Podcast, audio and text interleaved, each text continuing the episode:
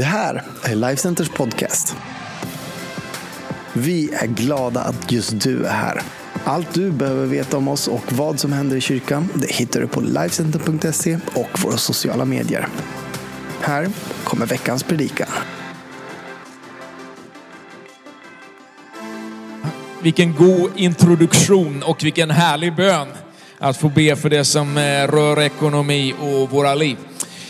Frid är ju suveränt och det är viktigt att få bära och leva med. Och idag så kommer jag tala om eh, någonting som kanske är det mest allvarliga när det gäller att leva med frid och det är att leva med ett, eh, ett inre som har upplevt Guds nåd och Guds förlåtelse. Jag ska bara rensa lite på bordet här runt omkring mig så jag har lite, lite ordning och reda även här i kyrkan den här söndagen. Mitt tema idag det är Dead or Alive, död eller levande. Jag älskar gamla westernfilmer. Och i många av dem som handlar om rättvisa så, så är det ju så här att eh, man ger sig ut för att fånga skurkarna. Dead or alive. Det är inte bara liksom någon, eh, någon gammal härlig countrysång det här, utan det här handlar om liv och död på riktigt. Och Bibelns budskap om Jesus har också med rättvisa att göra. Jag har med det som är, är, är rätt inför Gud, att leva rätt inför Gud. Och Jesus han kom för att göra dig som är dead alive. Han kom för att göra det som är dött levande. Och jag tror på en Gud som verkligen kan göra döda situationer, döda äktenskap, döda relationer, döda inre, döda drömmar, göra dem levande. Han vill göra dina relationer levande, han vill göra ditt äktenskap levande, han vill göra dina framtidsvisioner. Allt det som du brinner för, han vill ge liv åt det. Och han har en förmåga som ingen annan att blåsa liv i det som finns så där nära våra egna hjärtan att det faktiskt kommer att eh, vara så där dramatiskt och livsförvandlande som bara liksom Jesus kan göra för oss. Och har du tänkt på varför vi ibland försöker dölja och gömma det som vi skäms över? Du vet det där som eh, vi gör ibland som är fel och vi, vi vet om det men, men så på något sätt så håller vi på och skyler det där och gömmer det där. När vi känner så där så är det faktiskt så att det är Guds sätt att förklara för oss hur vi bryter mot det som är Guds lagar. Och det där börjar ju vid syndafallet och det fortsätter framåt. Vet Adam och Eva de försöker gömma sin skuld eller sin nakenhet för Gud när han söker dem. Kanske har hört det här uttrycket att leva med ett rent samvete, att ha ett rent samvete, hur viktigt det är att, att ha ett rent samvete. Att det är inte svårt att gå och lägga sig och sova om man har ett rent samvete. Men idag så vill jag berätta för dig hur du som bär på en ofrid faktiskt kan leva i den ofriden just på grund av synd i ditt liv. Och hur Gud vill komma och ge dig frid och en befrielse ifrån den skulden. En, en, eh, en nådesupplevelse som ingen annan kan ge oss än vad Gud kan ge oss. I en tid när så många svenskar och så många i den här världen äter antidepressiva medel mer än någonsin så är det faktiskt mer aktuellt än någonsin att säga det finns ett annat hopp för dig som är mycket, mycket starkare än allt det som vi kan knapra och det är den frid som Gud vill ge oss. I psalm 38 så läser vi de här verserna 4 och 5. Jag har inget helt i min kropp, säger David, på grund av din vrede. Ingen frid i mina ben på grund av min synd. Min syndaskuld, min syndaskuld går mig över huvudet. Den tynger mig som en alltför tung börda.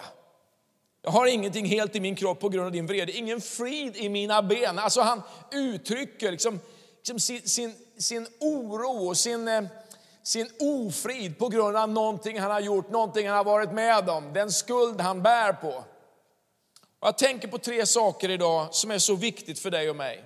Och det första är det här att vi kan bli bestulna på det som, eh, som Gud vill ska tillhöra oss. Vi kan bli bestulna därför att synden, den stjäl vår frid. Ingen som bryter mot Guds lag kan få eller ha den frid som Gud talar om och som Bibeln talar om, det som kallas för Guds frid. Alltså ingen som bryter mot Guds lag kan leva i den friden. Vet, när man syndar så väller det upp en känsla i en att liksom, det är någonting som inte står rätt till. Det är någonting som inte funkar, det är någonting som gnager i mig. Känslan av oro att bli avslöjad, den kommer också som ett brev på posten. Jag har gjort något dumt och jag känner en skuld över det, jag känner liksom den här syndabördan och så, så blir jag rädd för att bli avslöjad. Och så börjar det där spelet, den där dansen på något sätt med bortförklaringar. På samma sätt som Adam och Eva försökte förklara bort sitt snedsteg, det som var syndafallet. Ah, det, var, det var kvinnan som gav mig att äta och kvinnan säger ja, det var ormen som lurade mig. Alltså, hela tiden så är det någon annan. Jag brukar säga så här när jag ibland talar om själavård, att, eh, och du vet när människor kommer ibland så har man varit med om någonting, att det vore spännande att någon gång höra någon komma till en och säga så här, det var mitt fel. Och ingen mening som följer på det på grund av att, på grund av att hon sa så, på grund av att han gjorde så, eller på grund av min uppväxt, eller på grund av chefen, eller på grund av, utan bara man tar det liksom rakt upp och ner, det var mitt fel. Jag valde fel. David han, han har försökt ju också trixa när han misslyckas. Och när han trixar med sanningen så blir han också avslöjad av profeten. Och när han då beskriver det här i den text som vi läste ifrån från psalm 38 så säger han, det finns inga frid, ingen frid i mina ben, syndens börda, fortsätter han, tynger mig som en alltför tung börda. Du vet när man försöker träna rätt och man försöker äta rätt, söker egen tid för att liksom göra rätt, eller hitta balansen i livet, be liksom rätt och läsa Bibeln liksom så mycket som man behöver, så är ju det bra. Men har du tänkt på att det finns andra konsekvenser för ens hälsa när man syndar? Synden kan få verkliga konsekvenser för en människas välbefinnande. Och vad är det som sker med oss när vi syndar? Du vet när vi talar illa om andra eller skäl eller när vi ägnar oss det som bryter ner oss på insidan. Det finns saker alltså som sker med, med djupet av oss som människor som gör oss okomfortabla. Det finns ingenting som skäl din glädje till exempel, mer än synden. När du lever på ett sätt som inte är rätt så berövas du det som är glädjen. Och det är så viktigt för oss att förstå att vi blir bestulna på det som Gud längtar efter att vi ska ha, det han vill att du ska ha, nämligen hans frid. Det andra jag tänker på är att det finns också ett avslöjande i det här. Därför att synden kommer alltid att avslöjas. Hur länge man än försöker att dölja den så kommer den så småningom att avslöjas. Och det är märkligt att en del har så svårt att erkänna till exempel Guds existens när man samtidigt går omkring med ett så sårat och dåligt samvete över saker man har brustit i som människa. I Romarbrevets sjunde kapitel i vers 7 så kan vi läsa de här orden. Vad ska jag då säga? Att lagen är synd? Verkligen inte. Men det var först genom lagen som jag lärde känna synden. Jag hade inte vetat vad begäret var om inte lagen hade sagt du ska inte ha begär. Kanske har du hört talas om eh, tio Guds bud. Välkända bud. Vi kan läsa om dem i Andra Mosebokens 20 kapitel. De lagar då som Gud ger till Mose för att han skulle ge dem till folket. Det var ju en del av en, en samling av olika regler, men de sammanfattar alltihopa, tio stycken bud, stentavlorna du vet, vägar som gör att du inte ska hamna i ett inre kaos och en ofrid. Känner du igen dem? Kan du, kan du någon av dem? Den första, du skall inga andra gudar ha jämte mig. Alltså att inte leva med en annan Gud än Gud. Att inte leva med avgudar, att dyrka andra saker än att dyrka Gud. Det andra var, du ska inte missbruka Herren din Guds namn. Alltså att göra en ed med andra människor, det är att faktiskt missbruka Guds namn. Att hålla Guds namn högt. Att inte svära vid någonting vare sig i himmelen eller på jorden därför att det är Guds namn som är heligt. Tänk på det tredje budet. Och det här kan ju liksom vara någonting för oss svenskar att tänka på. Tänk på sabbatsdagen, vilodagen, så att du helgar den. Alltså att leva på ett sådant sätt att den där dagen som är avskild för Gud, den blir avskild för Gud. Den blir inte primärt avskild för din cykling eller för din shoppande eller för ditt arbete, utan den blir avskild för Gud. Eller hedra din far och din mor. Det första budet egentligen som kommer, eh, uppmaning som följer med ett löfte på det att du må leva länge i det land som Herren har lovat dig. Eller du ska inte mörda, det tycker vi är ganska självklart, men vad är det med till exempel det budet, det sjätte budet, du ska inte begå äktenskapsbrott. Hur är det med lust? Hur är det med sex för äktenskapet? Det är att bryta ett äktenskap. Det är ett äktenskapsbrott, säger Guds ord. Eller du ska inte stjäla. Att till exempel när vi nu snart ska deklarera, att deklarera rätt. För att du ska inte stjäla. Eller du ska inte bära falskt vittnesbörd mot din nästa, alltså tala lögner om din nästa. Jag tänker ibland på hela den sociala medien, hur mycket som bara florerar där av saker som man säger. Som kanske inte ens är sanna om människor. Det handlar om att bryta faktiskt ett av Guds bud. Du ska inte bära falskt vittnesbörd. Eller du ska inte ha begär till din nästas hus, att vara avundsjuk på det allt som grannen har, va? som jag också vill ha och vara avundsjuk det. Eller du ska inte ha begär till din nästas hustru eller hans tjänare, hans tjänarinna eller oxe eller åsna eller något annat som tillhör din nästa. Alla de där buden, varför finns de? Jo, lyssna här nu. De här buden som jag läst för dig, de finns där därför att utan lagen så finns ingen måttstock att mäta sig mot. Man kan inte skapa ett bra liv i egen kraft. Och det är så Guds bud fungerar. De är en katalysator som avslöjar dina motiv. Alltså när du läser de där buden och så lever du ditt liv och oavsett om du läser dem inte så känner du att det är någonting som är fel. Ja men du bryter ett av buden och de avslöjar dig.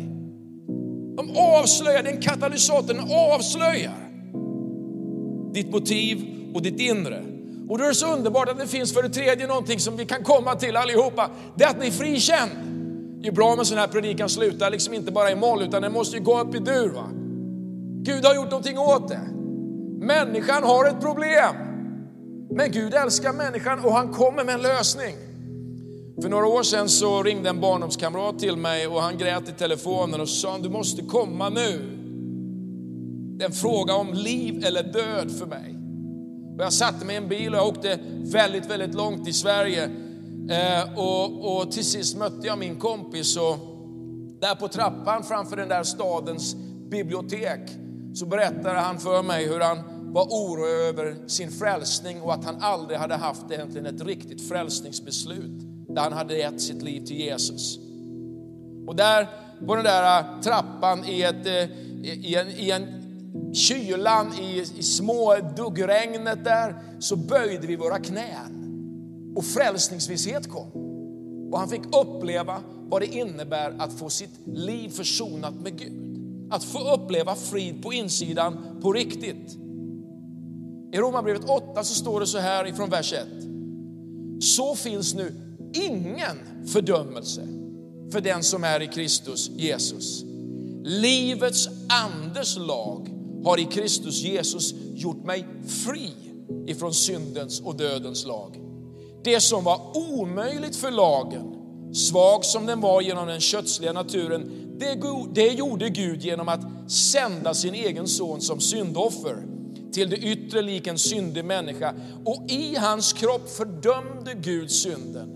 Så skulle lagens rättfärdiga krav uppfyllas i oss som inte lever efter köttet utan efter anden. Du möter alltså två lagar här, syndens och dödens lag. Och så möter du en annan lag som eh, Paulus benämner som livets andes lag. Alltså, det första är lagen som gavs till Moses, lagen som avslöjar dig. Den som avslöjar döden i dig. Men så kommer livets andes lag. Som handlar om att du får ta emot Jesus till ett förvandlat liv när du ger ditt liv till Jesus. En lag som dömer dig och en lag som frikänner dig. Och om det inte fanns en lag som avslöjade synden i dig, då behövde man ju inte heller ha en synd, eller en, en lag som, som eh, kom och gjorde dig fri. Jag ska ta det där igen så inte du missar det. Om inte det fanns en lag som avslöjade synden och döden i dig, så behövdes inte heller en lag som ger dig friheten. För när man upplever ofrid över det man har varit med om, eller det man har gjort, då kan man vara säker på att det som Jesus har gjort, det räcker för att sätta dig fullständigt fri ifrån all skuld och från all ångest. Och Romarbrevet säger så här om dopet som då följer på ett beslut att följa Jesus. Har vi nu dött med Kristus tror vi också att vi ska leva med honom. Dead or alive. Det finns liv hos Jesus, bara hos Jesus. Det här är min avslutning. Romarbrevet 8, vers 6 säger så här. Köttets sinne är död. Alltså det är det du egentligen inte vill göra, men du gör. Men andens sinne är liv och frid. Ja, men vad betyder det? Ja, men då, då tittar vi bara tre verser senare, Romarbrevet 8 och 9, så står det så här. Ni däremot lever inte i köttet utan i anden eftersom, och här kommer kickern i hela predikan, eftersom Guds ande bor i er. Det är det som sker när du blir frälst. Det finns ett tomrum i dig, ett vakuum i dig som måste fyllas. Och det ska inte fyllas med allt det där vi gör som vi tycker liksom känns så, så liksom på något sätt lockande. Va? För det leder bara till död. Det ska fyllas med Guds ande. Så när vi blir frälsta så välkomnar vi Jesus in och liv det fyller oss. Gud han förvandlar oss. Han tar bort det där dödliga giftet ur oss och så fyller han oss med liv. Och vi lever nu inte längre i köttet utan vi lever i anden. Vi lever det liv som Jesus har kommit med till oss. Min vän, gör upp med Gud. Ta emot den nåd Jesus ger dig. Låt inte synden skapa ofrid hos dig. Ja, men då säger du kanske så här. Men Per Johan, jag har varit en kristen länge och jag har trott på Jesus väldigt, väldigt länge och jag har, jag har ändå liksom kämpat med det här med ofrid på insidan länge. Ja, kanske är det så här att du har missat kraften i nåden därför att du har försökt för mycket i egen kraft. Jag kanske ska säga det en gång till. Kanske har du missat kraften i Guds nåd därför att du har försökt för mycket i egen kraft. Det finns ett väldigt, väldigt enkelt sätt för dig att testa dig idag. Det är bara att där du sitter just nu, det är bara att ta ett djupt andetag där du är. Så bara andas du in. Så andas du ut. Så bara säger du tack Jesus. Jesus för att det räcker.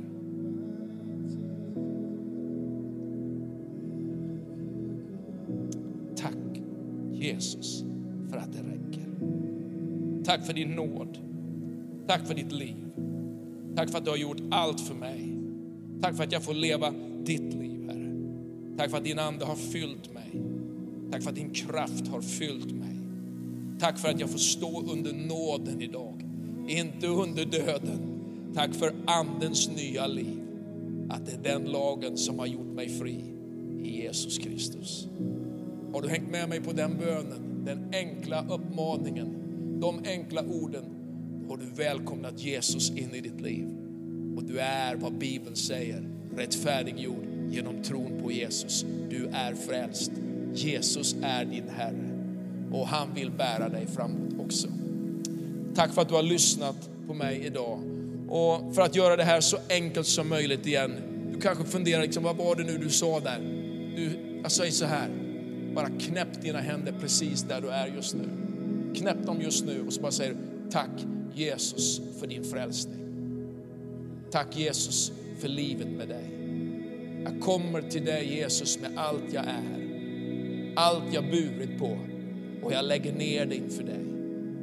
Jag känner skuldabördan som har varit över mig men jag släpper den hos dig. Och jag tackar dig för att du gör mig fri. I Jesu namn.